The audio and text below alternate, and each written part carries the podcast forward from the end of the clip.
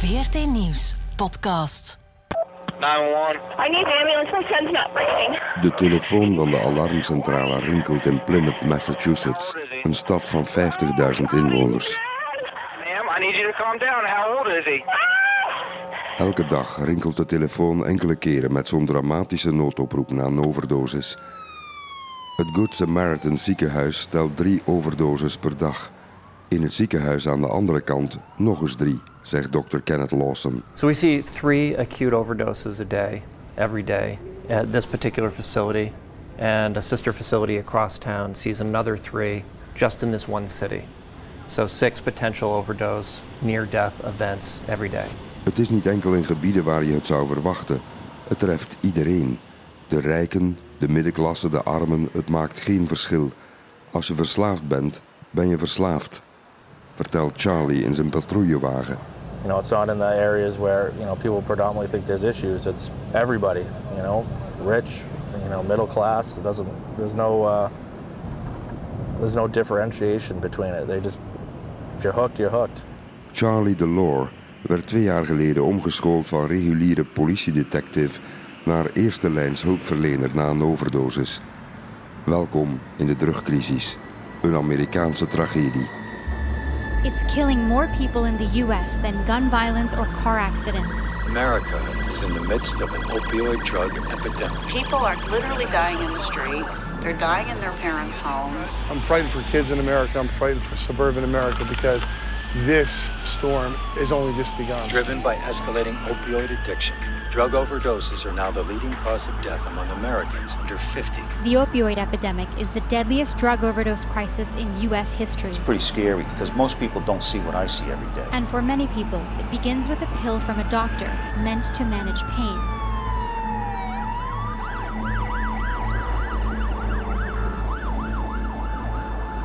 In 2012 alleen al schreven dokters en tandartsen in Amerika 255 miljoen pijnstillers met opiaten voor. Genoeg om elke Amerikaanse volwassene een maand lang te bevoorraden met verslavende pillen. De opiatencrisis is de ergste drugplaag in de geschiedenis van de VS. In 2018 alleen stierven 72.000 Amerikanen aan overdosis. Een recordjaar. De toestand is zo ernstig dat de levensverwachting van de Amerikanen al twee jaar na elkaar is gezakt. Ter vergelijking, in 1980 bedroeg het aantal drugdoden nog geen 8000. De epidemie treft niet alleen daklozen of werklozen of mensen met een uitzichtloos bestaan. Het zijn leraren, piloten, politiemensen, brandweerlui, advocaten, bankiers, iedereen. Joe Citizen is dying. Ongeveer 200 mensen per dag sterven aan heroïne, fentanyl of oxycodone. Het waren grote farmabedrijven die de crisis midden jaren 90 van de vorige eeuw deden losbarsten door agressieve marketing voor opiaten als hemelse pijnstillers voor chronische pijn. Politieagent Bill Patterson rijdt ons rond door de bosrijke middenklassewijken van East Bridgewater in Massachusetts. Het is een kleine gemeente van 15.000 inwoners. This can happen to anybody. You know, this this can be. Uh, Dit kan iedereen overkomen, zegt Bill. Een jong persoon loopt een sportblessure op en krijgt pijnstillers. Die persoon raakt gewend aan die pijnstillers. Plots is er afhankelijkheid. Je kan niet meer zonder. Je bent snel verslaafd. Addictive. Even later worden de pillen te duur. De voorschriften van de dokter stoppen. Als je zes pillen per dag wilt slikken, heb je zo'n 300 dollar nodig. Dat is al snel onbetaalbaar. En zo stappen talloos velen over naar heroïne. Heroïne is zoveel goedkoper en je raakt nog verslaafder. De Mexicaanse drugkartels gooiden door de pillenvloed goedkope heroïne op de markt om marktaandeel terug te winnen. Het lukte en de markt raakte overspoeld. Er kwamen honderdduizenden nieuwe gebruikers bij. Eén dosis heroïne kost minder dan een sixpack bier of een Big Mac menu. De heroïneprijs zakte met 85% op 30 jaar tijd naar 5 dollar per dosis. Een pil, de zwarte markt, kost 50 dollar per stuk. Reken uit het verschil. Echt dodelijk werd de epidemie toen ook fentanyl opdook. Fentanyl is in oorsprong een extreme pijnstiller, ooit uitgevonden door Janssen Pharmaceutica in het Belgische Beersen. Een pijnstiller die wordt gebruikt voor ondraaglijke pijnen bij stervende kankerpatiënten. Fentanyl is 50 keer krachtiger dan heroïne, 100 keer straffer dan morfine. Als dat spul vermengd geraakt met heroïne, dan ben je reddeloos verloren. Fentanyl is al in uiterst kleine dosissen fataal. 1 gram volstaat. Het synthetische goedje, vaak gemaakt in clandestine labs met goedkope chemicaliën, komt tegenwoordig via Mexico of China naar Amerika. Heel vaak wordt het online besteld, via de donkerste uithoeken van het internet. Veel overdoses door fentanyl zijn onbedoeld, accidental OD's. Druggebruikers beseffen niet wat in hun bloedbaan terechtkomt. Ze weten niet dat hun heroïne of cocaïne vermengd is met fentanyl. Neem nu Scott Anderson. Ik ontmoet hem in een leslokaaltje van de politie in Plymouth. Hij is net een week of vier drugvrij. Hij bestal zijn vrienden en zijn familieleden om aan drugs te geraken. I got, um, I think it's like 70 overdoses. Hij nam de afgelopen jaren 70 keer een overdosis. 70 times, 70 keer. Yeah, mind blowing, right? Um, Adembenemend. Ik weet het, zegt Scott. Een man van 37 die eruit ziet als een viking. Overal tatoeages, een bonkige kop, hard en snel geleefd. Hij had ooit een transportbedrijf, maar verloor het door zijn druggebruik. a good chunk of my overdoses is because, because of fentanyl.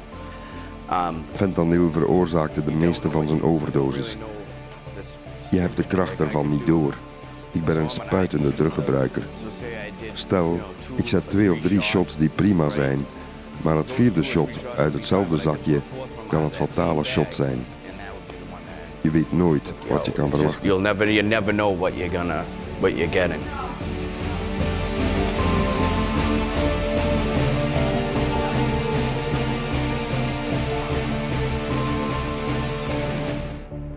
Het is een wonder dat Scott nog leeft.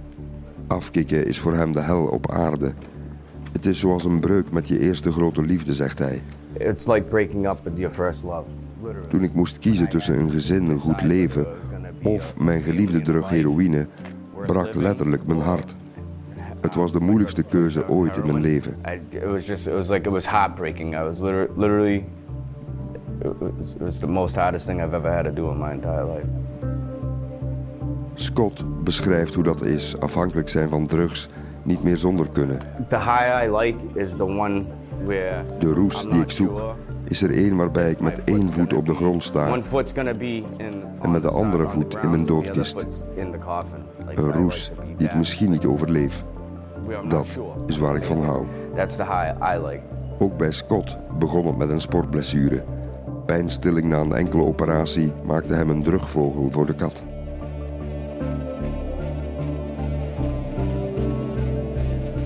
Daarom komt het farmaceutische bedrijf Purdue Pharma al maar meer onder vuur te liggen. Purdue betaalde 275 miljoen dollar als deel van een schikking in een rechtszaak in Oklahoma. Het geld zal worden gebruikt om een centrum te bouwen voor onderzoek en behandeling van verslaving aan pijnstillers aan de Universiteit van Tulsa in Oklahoma. Purdue Pharma is de producent van de befaamde pijnstiller Oxycontin, ook wel eens Hillbilly Heroin genoemd, naar de bewoners van onder meer Kentucky en West Virginia. Oxycontin kwam in 1996 op de markt als pijnstiller. De pijnstiller was zo krachtig, dubbel zo krachtig als morfine, dat veel mensen er snel verslaafd aan geraakten. Oxycontin wordt gezien als de aanstoker van de drugepidemie die sindsdien woedt in de Verenigde Staten. Hele dorpen en stadjes werden overspoeld door pillenfabrieken vol opioïde pijnstillers. Als ik daar mensen ontmoet, is er niet één familie, niet één gezin dat geen slachtoffers kent. Purdue Pharma maakte enorme promotie voor zijn pijnstiller bij dokters en consumenten. Dokters kregen snoepreizen, seksuele gunsten of allerhande andere bonussen toegestopt. Daardoor werd het middel veel veel vaker voorgeschreven dan nodig. Ook voor aandoeningen die niet eens zo'n krachtige pijnstilling nodig hebben. Zo geraakten heel veel mensen heel snel verslaafd. Bijvoorbeeld na het trekken van een tand of na de behandeling van lage rugpijn. Volgens verschillende gerechtelijke klachten vertelden vertegenwoordigers van het bedrijf niet of nooit dat Oxycontin zo verslavend was. Oxycontin werd gepromoot als een veilig middel tegen chronische pijn. Toen mensen geen voorschrift meer kregen voor de pillen, schakelden ze dus over op goedkopere heroïne. Zo raakte de VS getroffen door een ware drugepidemie. Die wordt de laatste jaren nog verergerd door fentanyl, dat vaak aan heroïne wordt toegevoegd of aan cocaïne. Purdue Pharma is gevestigd in Stamford, Connecticut. Het bedrijf verdiende miljarden dollars aan de verkoop van Oxycontin. Het bedrijf is eigendom van de familie Sackler. Volgens de klagers liet de familie hebzucht primeren op de veiligheid van de patiënt. De Sacklers zijn bekend in academische en culturele kringen voor hun filantropie. De familie komt oorspronkelijk uit Brooklyn, New York. Ze sponsoren in heel de wereld musea. In het New Yorkse Metropolitan Museum is zelfs een hele vleugel naar de Sacklers vernoemd.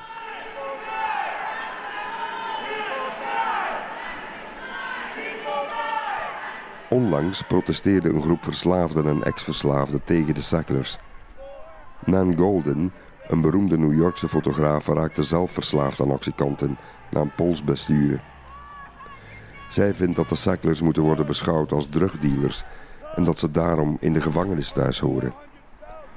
Het Guggenheim Museum in New York en de Tate Musea in Londen hebben onlangs de banden met de Sacklers doorgeknipt en aanvaarden geen sponsorgeld of donaties meer. Purdue Pharma zegt zelf: Wij zijn niet verantwoordelijk als mensen zelf overstappen van onze pijnstiller naar fentanyl of heroïne. Dr. Richard Sackler was het hoofd van de marketingafdeling van Purdue. Hij minimaliseerde de verslavingsrisico's van Oxycontin. Sackler schilderde de slachtoffers af als criminelen. Waarom zouden wij sympathie moeten opbrengen voor verslaafden? Dat schreef hij in een uitgelekte interne e-mail. In meer dan 36 staten in heel de VS zijn rechtszaken aan de gang tegen Purdue en andere farmabedrijven die opioïde pijnstillers op de markt brachten. In Cleveland, Ohio staat een mammoetproces gepland met meer dan 1600 burgerlijke partijen. Ook tegen het Belgische Janssen Pharmaceuticals, een deel van de Amerikaanse farmareus Johnson Johnson, loopt een rechtszaak. Janssen verkoopt fentanylpleisters en vroeger ook de opioid Nucynta tot 2015. Purdue moest op een eerder proces al een keer 600 miljoen dollar schadevergoeding betalen. In 2015 betaalde het 25 miljoen aan de staat Kentucky. De openbare aanklager van een zaak in Boston heeft al gezegd: Profit over people. De drugplaag kost de VS elk jaar naar schatting zo'n 78 miljard dollar. Het ergst is het gesteld in staten als Massachusetts, New Hampshire, West Virginia, Kentucky, Ohio, Indiana en Maine. Het valt me op hoe Dr. Ken Lawson uit Brockton, Massachusetts, de fouten van de medische sector ootmoedig toegeeft. I think everyone wish you could go back and say, is there something we should all have been doing? Als we de tijd zouden kunnen terugdraaien, zegt hij, zouden we de dingen anders doen. Er is veel misgegaan. We hebben vertrouwd op medische studies die achteraf puur bedrog bleken. Ik denk dat iedereen in de medische wereld voelt dat ook wij veel boter op het hoofd hebben.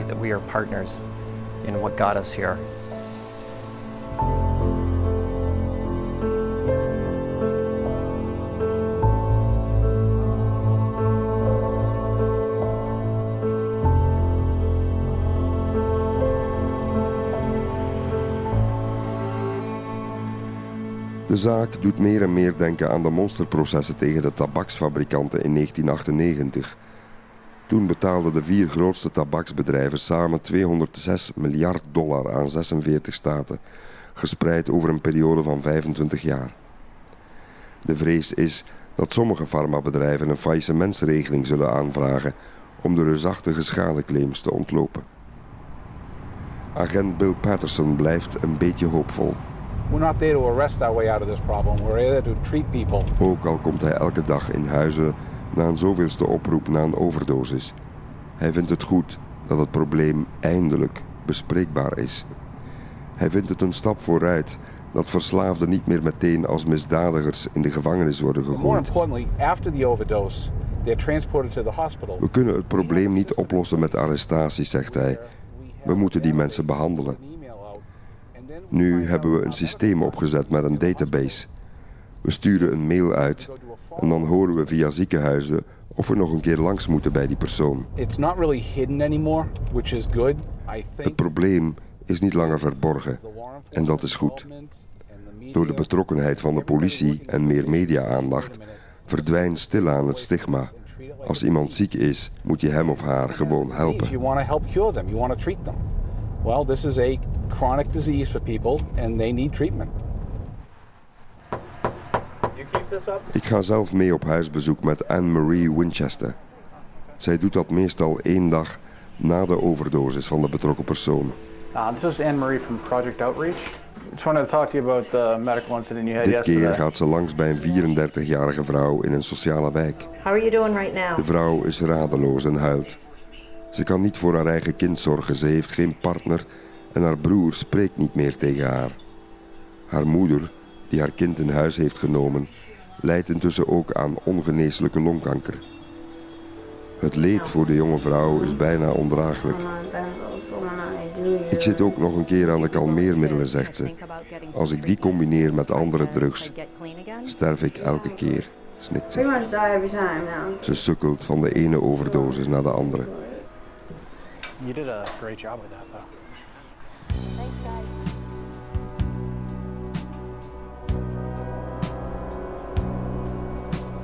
Hello, is there anybody in there? Just not if you can hear me. Is there anyone home?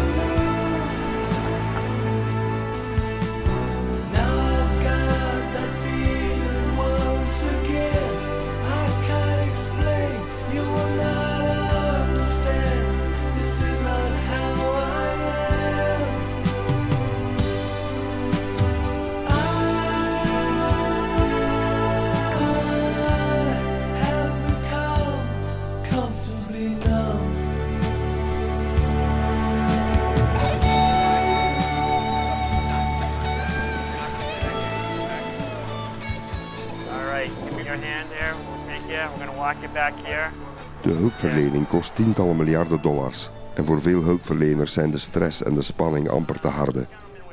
Hulpverleners in West Virginia vallen geregeld uit door overmatige druk.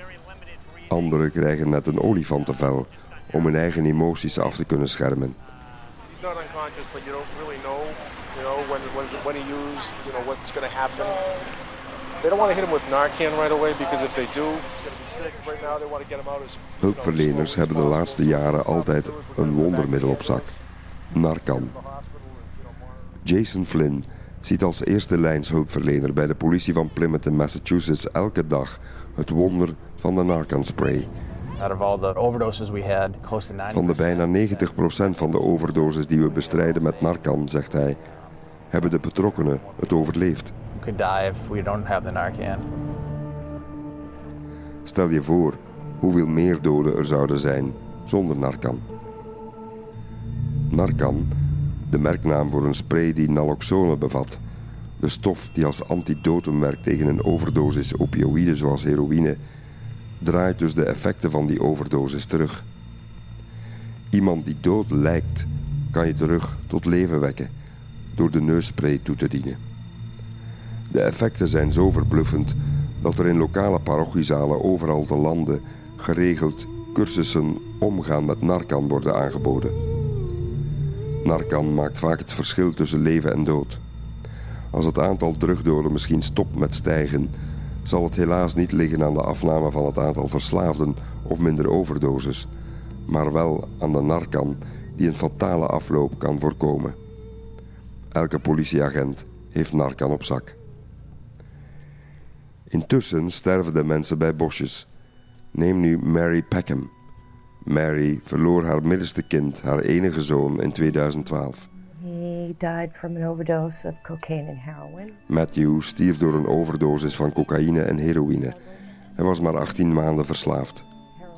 Zijn verslaving begon met Percocet pijnstillers, voorgeschreven na het trekken van een tand. Daarna liep het snel uit de hand. We hadden het niet eens door, zegt ze. And it just escalated from there. Matthew groeide op in een gewoon gezin, net als Haley Kennedy. Haley is 27 en herstelcoach voor verslaafden. Zij weet wat het is om verslaafd te zijn. Ze was zelf jarenlang verknocht aan verslavende pillen. Ik heb er nooit uitgezien als een verslaafde. Het is niet zoals op tv of zoals mensen denken hoe verslaafden eruit zien, zegt ze. Ik was kleuterjuf en haalde uitstekende punten op de universiteit. Toch was ik totaal verslaafd aan opiaten. Het is niet wat het lijkt. It's deceiving.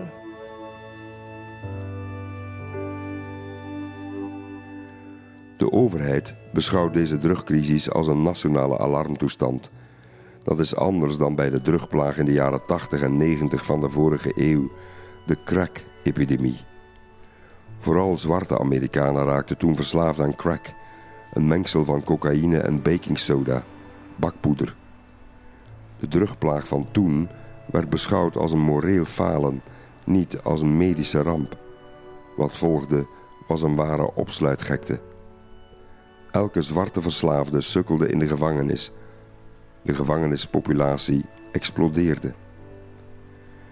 Nu treft de drugepidemie vooral de witte Amerikanen en wordt hun verslaving als een ziekte beschouwd, omdat het begon met legaal door dokters voorgeschreven pijnstillers. Cynisch genoeg schreven dokters minder snel zware pijnstillers voor aan zwarte Amerikanen, omdat ze dachten dat Afro-Amerikanen sneller misbruik zouden maken van de voorschriften en de drugpillen zouden doorverkopen. Op een perverse manier heeft dat latente racisme de zwarte bevolking een beetje afgeschermd van de pillenepidemie. Ook de regering Trump trekt miljarden dollars uit voor de hulpverlening. Vraag: zou dat ook zo zijn geweest, mocht dit vooral een zwart probleem zijn geweest? It is a tremendous problem in our country, and we're going to get it taken care of as well as it can be taken care of, which hopefully will. be better Mary schreef een brief naar de vorige presidenten Bush en Obama. Nooit kreeg ze antwoord. Van Trump wel. From the president that thousands of us mothers received. A personal letter. A personal letter. It was a letter that mentioned our children's names and how him and his wife are working. That's one of their priorities. Finally, a president is listening.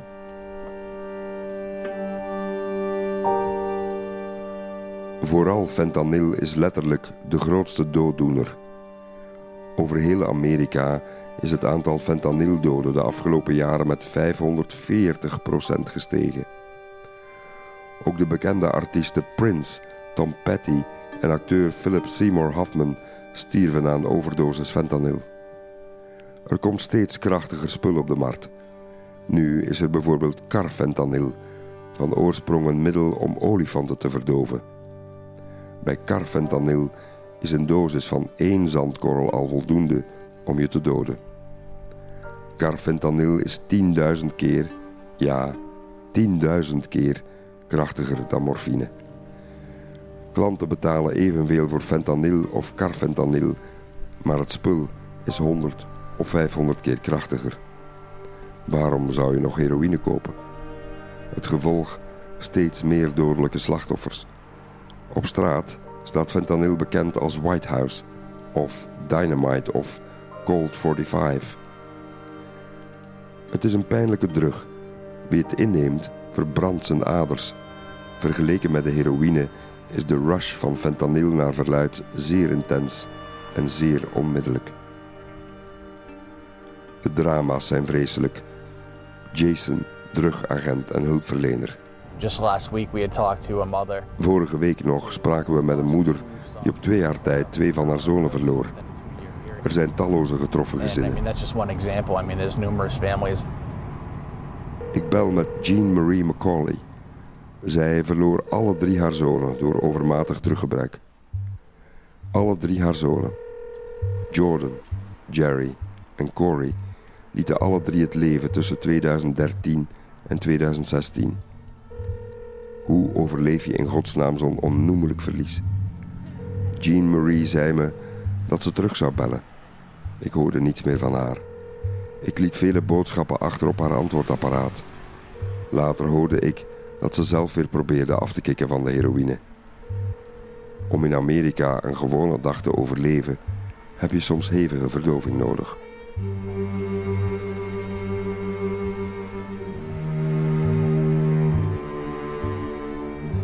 De drugcrisis kost de Amerikaanse overheid naar schatting elk jaar zo'n 78 miljard dollar. Als je door Amerika rijdt, kan je het zien. Er is geen plek in de VS die eraan ontsnapt. In de Midwest, New England, de Rust Belt en de Appalachian zijn het pillen, heroïne en fentanyl. In het westen van Amerika is het vooral crystal meth, alcohol en cocaïne. De epidemie speelt zich vaak af in ruraal Amerika tegen een duistere achtergrond van industrieel verval. Een soort hopeloosheid die zich van leeglopende gemeenschappen meester heeft gemaakt. Op het eerste gezicht zie je alleen bochtige riviertjes, berglandschappen, groene bossen, plezante dorpstraatjes. Het lijkt wel idyllisch. Als je wat beter kijkt, zie je leegstand. Jongeren die naar de stad zijn getrokken, hoop die wegrent. Soms lijkt het op een stervende gemeenschap. Make America Great Again.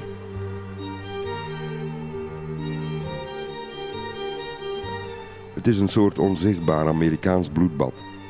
East Bridgewater, Massachusetts. Braddock, Pennsylvania. Somerset, Pennsylvania. Brockton, Massachusetts. Akron, Ohio. Austin, Indiana. Laconia, New Hampshire. Crumpler, West Virginia. Alsof een deel van Amerika is vermolmd. Dat deel van Amerika stelde zijn hoop op Trump toen hij werd verkozen in 2016. Als de outsider die het vermolmde systeem zou ontmantelen. Net wat ze in de tijd ook gehoopt hadden over Obama. Maar de verandering kwam niet. Als je jarenlang het land teloor laat gaan en alles maar door laat etteren, dan krijg je dit. Ook de drugcrisis is daar min of meer een uiting van. Het is alle hens aan dek nu. Er zijn heel veel middelen nodig om alle verslaafden te behandelen. Nu is er amper ruimte om 1 op de 10 verslaafden te behandelen. In Amerika is recovery coach een beroep met toekomst. Veel mensen hebben ook een ontoereikende ziekteverzekering om adequate hulp te kunnen krijgen. De drugepidemie zal nog een hele tijd voortrazen in de VS.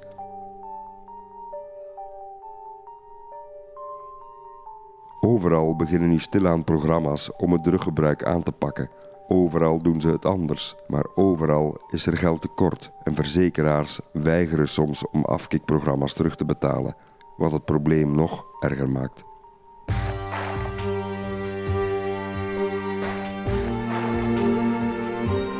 In Brockton, waar ik op reportage ging, hebben ze het Champions-programma uitgedacht.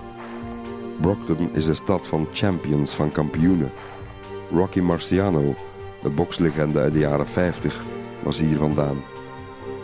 Burgemeester Bill Carpenter vertrouwt me toe dat hij alleen maar burgemeester wilde worden vanwege het drugprobleem. Hij verloor zelf bijna een van zijn zonen na een overdosis en voert sindsdien een kruistocht voor betere hulpverlening. Een soort intense samenwerking tussen politie, ziekenhuizen, stad en scholengemeenschap.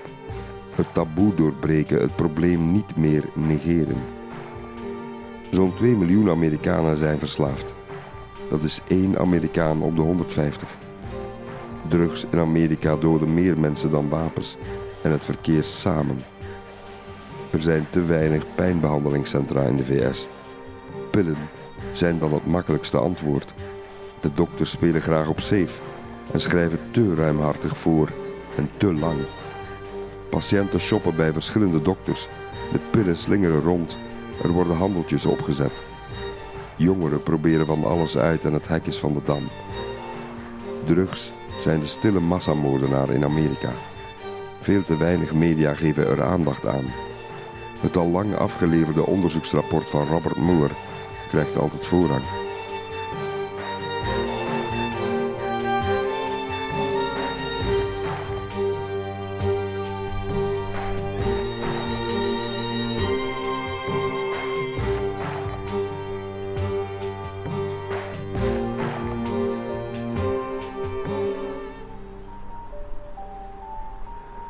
Bestaan buurten waar kinderen, kleinkinderen en grootouders samen een spuit zetten.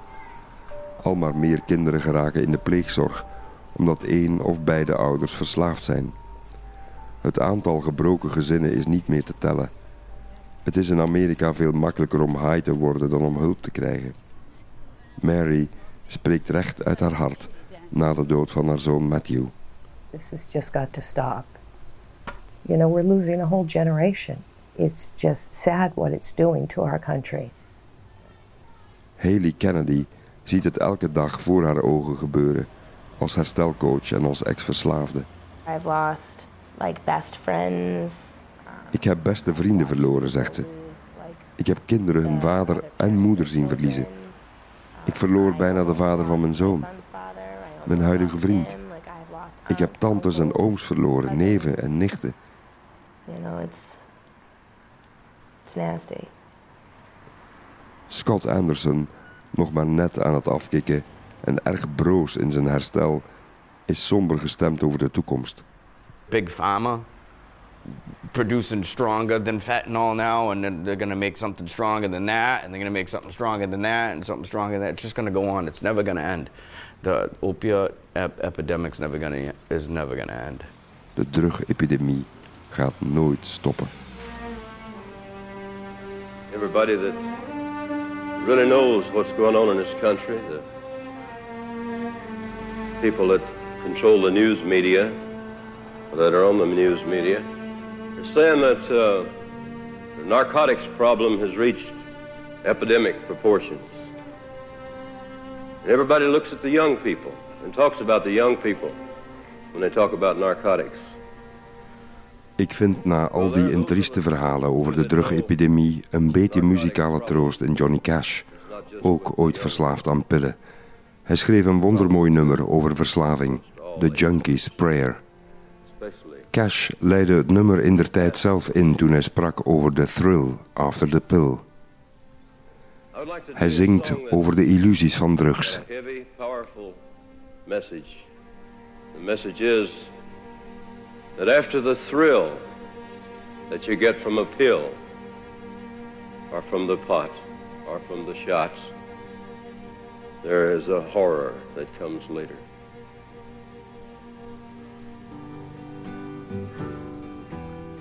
This bed that I lay on is narrow and cold. The sickness inside me, it tears at my soul, and the devil awaits me. He calls me his son, for he knows I am cornered and too weak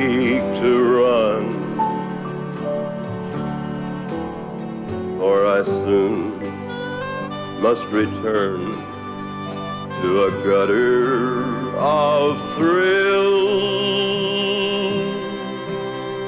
where joy is the needle or a bottle of pills where a man welcomes misery like an old friend from home that he uses and abuses till the misery is gone. My mind's filled with torture, my body's in pain, but the needle is warm as it sinks in the vein in just a matter of seconds. My mind will be free from the coldness and darkness that dominates me. But the freedom is short lived. Again, I'm alone. I must find the pusher, but my money is all gone. Then the cycle of horror starts over once more. Oh God, don't let me suffer that misery no more.